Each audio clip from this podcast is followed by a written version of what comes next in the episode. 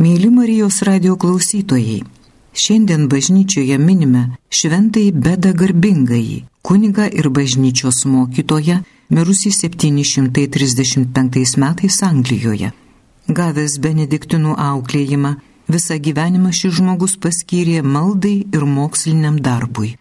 Mokėjo lotynų, graikų ir hebrajų kalbas, todėl galėjo gilintis ir studijuoti originalius šventojo rašto tekstus Be kitako skaitė bažnyčios tėvų raštus ir rašė komentarus. Bet garbingasis buvo poetas, daugelio himnų, giesmių ir eilių autorius. Pirmasis parašė savo tėvinės Anglijos istoriją. Šioje laidoje pasiklausykime popiežiaus emerito Benedikto XVI bendrosios audiencijos katechezės apie šventąjį bedą garbingąjį. Ši katechezė buvo sakyta 2009 m. vasario 18 d. Brangus broliai ir seserys, šventojo, prie kurio šiandien artinamės vardas beda. Jis gimė 672 ar 673 metais Šiaurės rytų Anglijoje, tiksliau Šiaurės Umbrijoje Jis pats pasakoja, kad jo giminaičiai patikėjo jį sulaukusį septyniarių metų auklėti kaimininio Benediktinų vienuolino abatui. Šiame vienuolyne prisimena jis, nuo tada visada gyvenau karštai atsidėdamas rašto studijoms. Buvo smagu mokytis, mokyti ar rašyti, laikantis regulos drausmės ir kasdienės pareigos gėduoti bažnyčioje.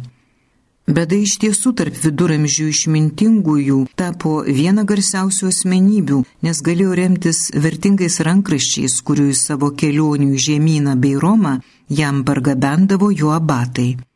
Jo mokymas ir garsus raštai leido jam užmėgsti draugystę su daugybė reikšmingiausių tuo metu žmonių, patrasindavusių jį tęsti daugybė žmonių naudingą darbą. Net susirgęs jis nepaliovė dirbti ir visada išlaikė vidinį linksmumą, kuris reikšdavosi maldoje ir giesmėje. Savo svarbiausią kūrinį Historija Ecclesiastica Gentis Anglorum jis užbaigė tokią maldą. Meldžiu tave gerasis Jėzau, geranoriškai leidas man semti saldžių tavo išminties žodžių. Maloningai leisk man vieną dieną pas tave visos išminties šaltinį ateiti ir visada stovėti tavo veido akivaizdoje. Jis mirė 735 m. gegužės 26-ąją Kristaus žengimo į dangų iškilmių dieną. Šventasis raštas bedai yra nuolatinis teologinio apmąstymų šaltinis. Rūpestingai kritiškai studijavęs tekstą, mus pasiekė monumentalaus vulgatos kodeks amietinus, prie kurio darbavosi beda nuorašas. Jis komentuoja Bibliją, skaitydamas ją kristologiškai, tai yra jungdamas du dalykus. Viena vertus, įsiklauso, ką tekstas tiksliai sako, nori iš tikrųjų suprasti patį tekstą. Ir kita vertus, yra įsitikinęs, kad raktas šventajam raštui suprasti, kaip vienintelis Dievo žodis yra Kristus ir su Kristumi jo šviesoje Senasis ir Naujasis testamentas suvokiami kaip vienas šventasis raštas. Senojo ir Naujojo testamento įvykiai neatsiejami, jie krypsta į Kristų, net jei ir yra išreiškiami skirtingais ženklais bei institucijomis, tuo kas vadinama Concordija Sacramentorum. Taip pavyzdžiui, Mozės dykumoje įskleista sandoros palapinė, Jeruzalės pirmoji ir antroji šventykla yra įvaizdžiai bažnyčios naujosios šventyklos, pastatydintos ant Jėzaus ir apaštalų iš gyvųjų akmenų, bei tvirtai laikomos drauge dvasios meilės. Ir kai prie antikinės šventyklos statybos pagonių tautos prisidėjo brangiomis medžiagomis ir savo statybininkų techninių išmanimų, Lygiai taip pat prie bažnyčios statydinimo prisideda apaštalai ir meistrai, kilę ne tik iš hebrajų, graikų ir lotynų antikinių giminių, bet ir iš naujųjų tautų, prie kurių bėda mielai priskiria airius, keltus ir anglosaksus. Šventasis bėda regia augant visuotinę bažnyčią neapsiribojančią tam tikrą kultūrą, bet sudaryta iš visų pasaulių kultūrų, turinčių atsiverti Kristui ir jame atrasti savo tikslą.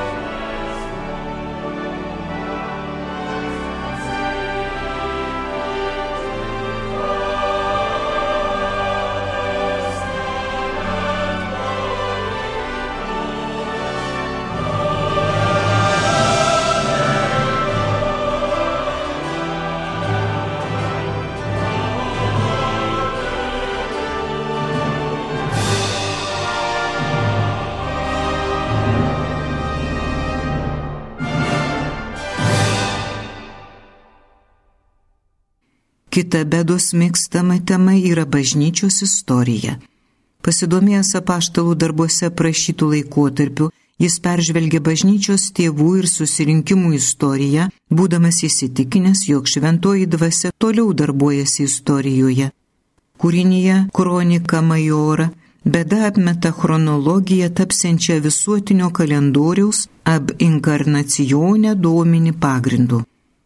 Tuo metu laikas skaičiuotas nuo Romos miesto įsteigimo. Matydamas, kad istorijos tikrasis atramos taškas, centras yra Kristaus gimimas, beda dovanojo mums kalendorių, reikiuojantį istoriją remiantis viešpaties įsikūnyjimu.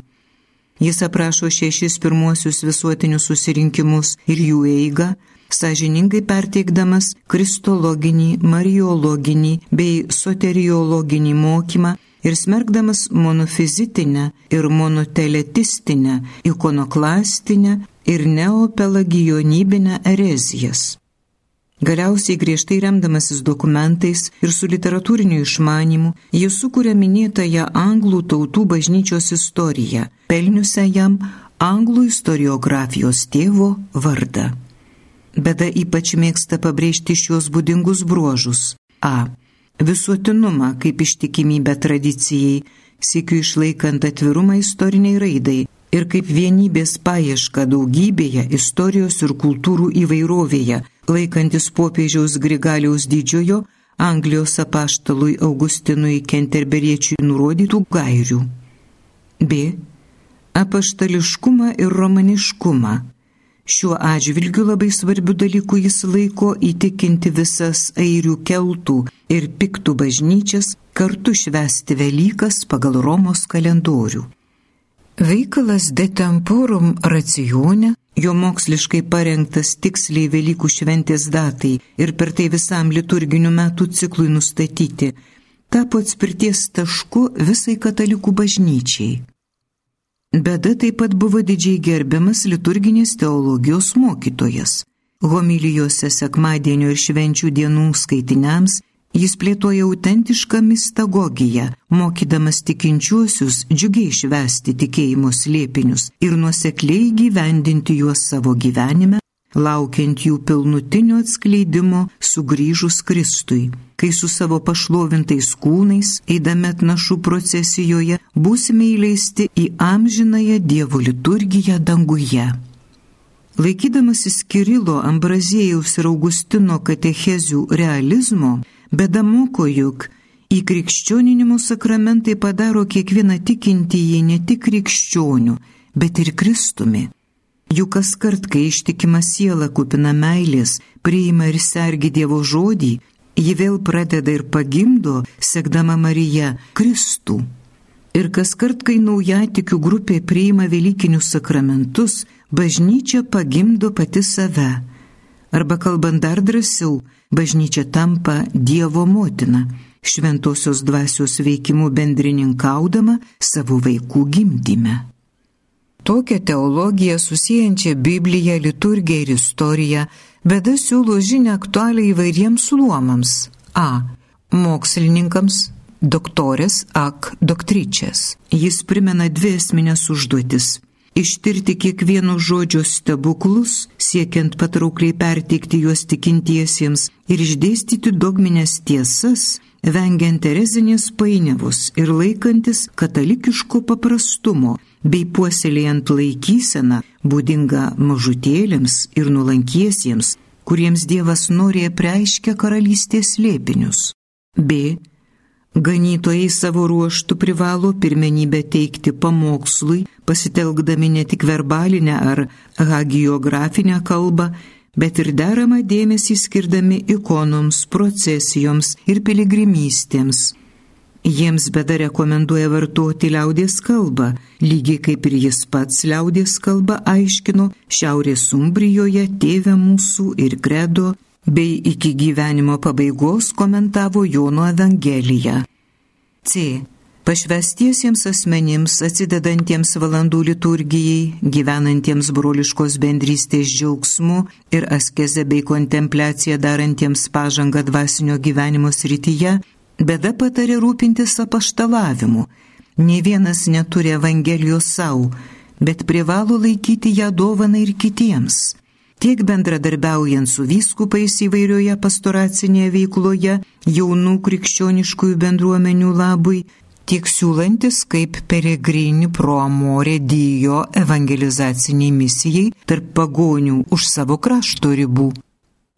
Komentuodamas giesmių giesmę, beda tokioje perspektyvoje pateikia sinagogą ir bažnyčią kaip bendradarbės skleidžiant Dievo žodį.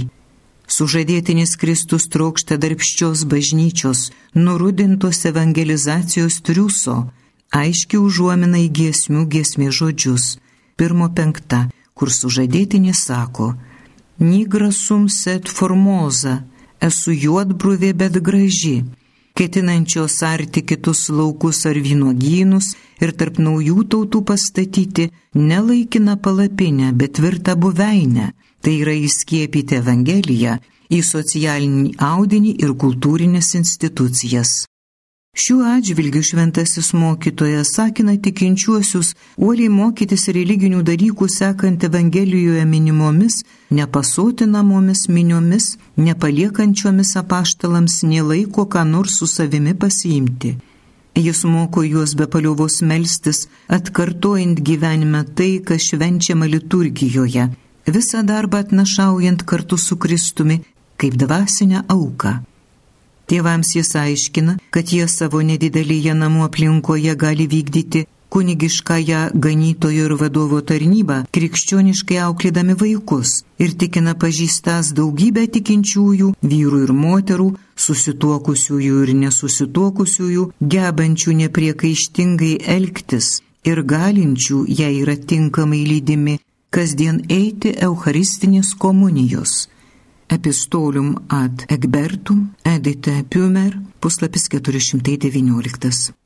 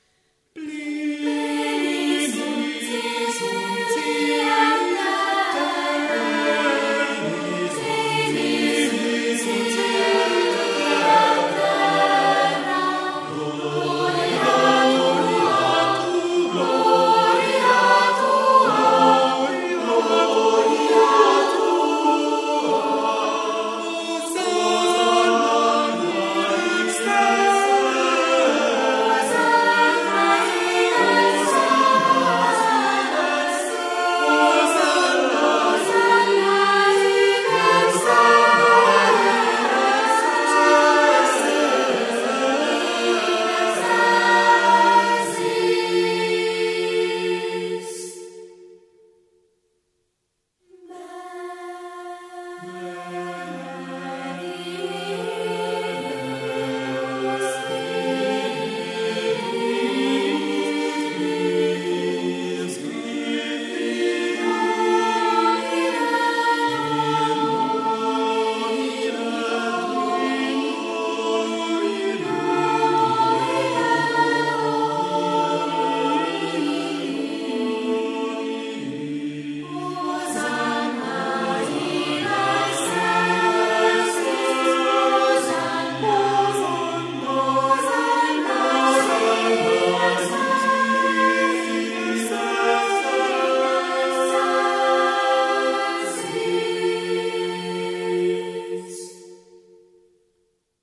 Šventumas ir išmintingumas, kuriais jis pagarsėjo dar būdamas gyvas, pelnė jam garbingojo, venerabilis titulą. Taip jį vadina ir popiežius Sergijus I 701 metais laiškė jo abatui, prašydamas leisti jam kuriam laikui atvykti į Romą, patarti kai kuriais visiems svarbiais klausimais. Po bedos mirties jo raštai tėvinėje ir Europos žemynė labai paplito. Didysis Vokietijos misionierius vyskupas Šventasis Bonifacijus, miręs 754, nekarta prašė Jorko vyskupo ir Vermuto abatų padaryti kai kurių jo veikalų kopijas ir atsiųsti jam, kad ir jis bei jo palidovai galėtų pasimėgauti jos kleidžiamą dvasinę šviesą. Vienam amžiui praėjus, jau daug vėliau Notkeris Balbulas, Sankt Galeno abatas, miręs 912 metais, įvertino nepaprastą bedos įtaką palygindamas jį su Saulė. Pasaulį apšviesti Dievo valia patekėjusią ne iš rytų, bet iš vakarų. Atmetus retorinį patosą, vis dėlto faktas yra tai, kad beda savo kūriniais veiksmingai prisidėjo prie statydinimo krikščioniškosios Europos, kurioje susivienijo įvairios tautos ir kultūros, suteikusios jai vieningą iš krikščioniškojo tikėjimo kylantį veidą. Melskime, kad ir šiandien būtų tokių kaip beda asmenybių, galinčių padėti išlaikyti visą žemyną suvienytą. Melskime, kad visi būtume pasirengę iš naujo atrasti savo bendrasias šaknis įdant galėtume statydinti iš pagrindų humanišką ir autentiškai krikščionišką Europą. Girdėjote popiežiaus emerito Benedikto XVI bendrosios audiencijos katechezę apie šventąjį bedą garbingąjį. Tokio iškilaus viduramžių teologo veikalai šiais laikais turėtų sulaukti papildomų komentarų, vertinimų, paaiškinimų. Tačiau iki mūsų dienų yra išlikę tokių šio autoriaus tekstų, kuriuos galime lengvai suprasti. Juos skaitydami priimsime senųjų laikų bažnyčios požiūrį į šventąjį raštą. Šioje laidoje pasiklausykime trumpo šventojo bedos garbingojo komentaro, kuriuo jis padeda suprasti Evangelijos pagal morkų ištrauką apie kurčią nebylį ir jos stebuklingą išgydymą. Iš Evangelijos pagal Morkų 7 skyriaus nuo 31 iki 37 eilutės. Palikęs tyros rytis, Jėzus per Sidoną atėjo prie Galilėjos ežero į Dekapolio krašto vidurį.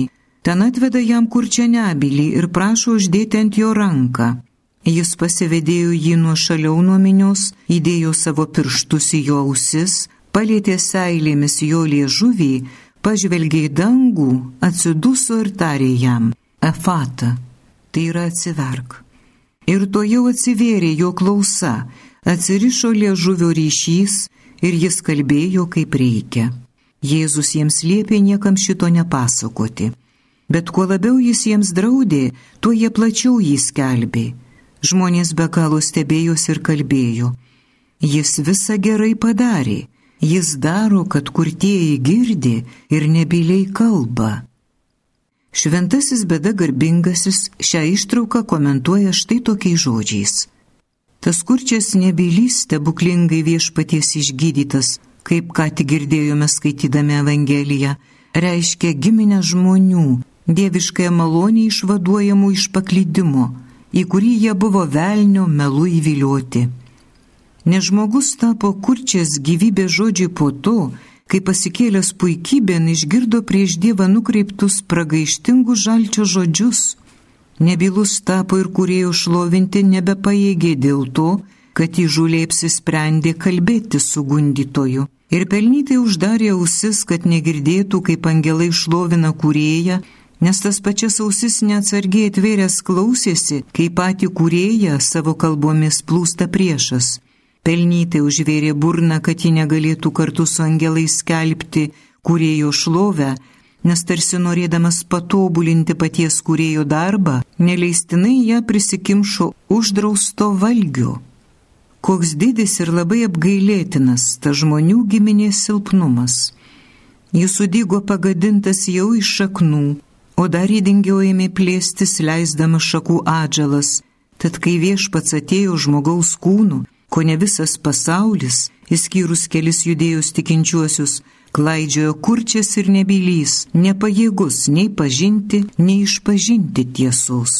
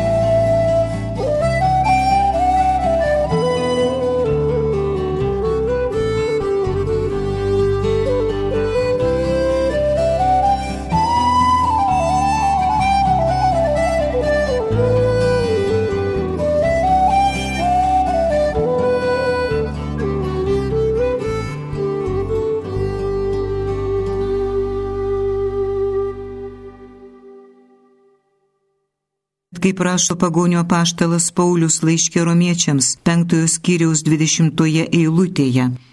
Kur buvo pilna nuodėmis, ten dar apstesnė tapo malonė. Nes viešpats atėjo prie Galilėjos ežerų, žinojo ten sergant tą, kurį turėjo išgydyti savo gailestingumo malonę pasiekė pasipūtusias, maištingas ir nepastoves pagonių širdis. Žinojo jas priklausantiems, kuriuos turėjo pasiekti jo malonį. Ir teisingai sakoma, jog jis atėjo ligonių išgydyti į Dekapolio krašto vidurį prie Galilėjos ežero nes jis atėjo pasvetimas tautas, įdant kaip apaštalas ir evangelistas Jonas savo Evangelijoje 11 skyriuje rašo, suburtų į vienybę įsklaidytuosius Dievo vaikus. Ir atveda jam kurčią nebylį ir prašo uždėti ant jo ranką. Evangelija pagal Morku 7.32. Negalėjo šis kurčiasis gelbėtojo pažinti, nebylys maldauti todėl atveda jį draugai ir meldžia viešpaties jį išgelbėti. Iš tikrųjų, dvasinis gydimas šitai reikalauja, jog jeigu kas nors žmogaus pastangomis nepajėgia atsiversti, kad išgirstų ir išpažintų tiesą, te būnė jis parodytas dieviškojo gailestingumo žvilgsniui ir te būnė prašoma, kad Dievo ranka padėtų jį išgydyti. Dangiškojo gydytojo gailestingumas neužtrunka, jei prašytojai uoliai maldauja, nedvėjodami ir neprarasdami pasitikėjimo. Tai buvo Šventojo Bedos garbingojo, mirusio 735 metais istorija ir jo paties mintys skirtos visų laikų krikščionims, taigi ir mums. Aštuntame amžiuje parašytos mintys net po kelių šimtų metų visų kartų žmonėms primena, kad nuolat reikia saugotis nuodėmis, puikybės ir kieto širdies, kuri neleidžia priimti Dievo kvietimo, sklindančio per viešpatie žodį. Nuodėmė mus padaro kurčius ir aklus, nugrėžia nuo Dievo vaikų kelio. Suvokimas, kad paklydome ir atgaila praregėjimo malonė, kuri leidžia šauktis viešpaties ir padeda grįžti prie ištikimųjų bendruomenės, kuri kasdienybėje stengiasi klausyti ir gyventi kurėjo žodžiu. Šventasis bedagarbingasis, melski už mus, kad nuolat liktume atviri Dievo žodžiui ir niekuomet neapsiprastume su viešpatie žinia.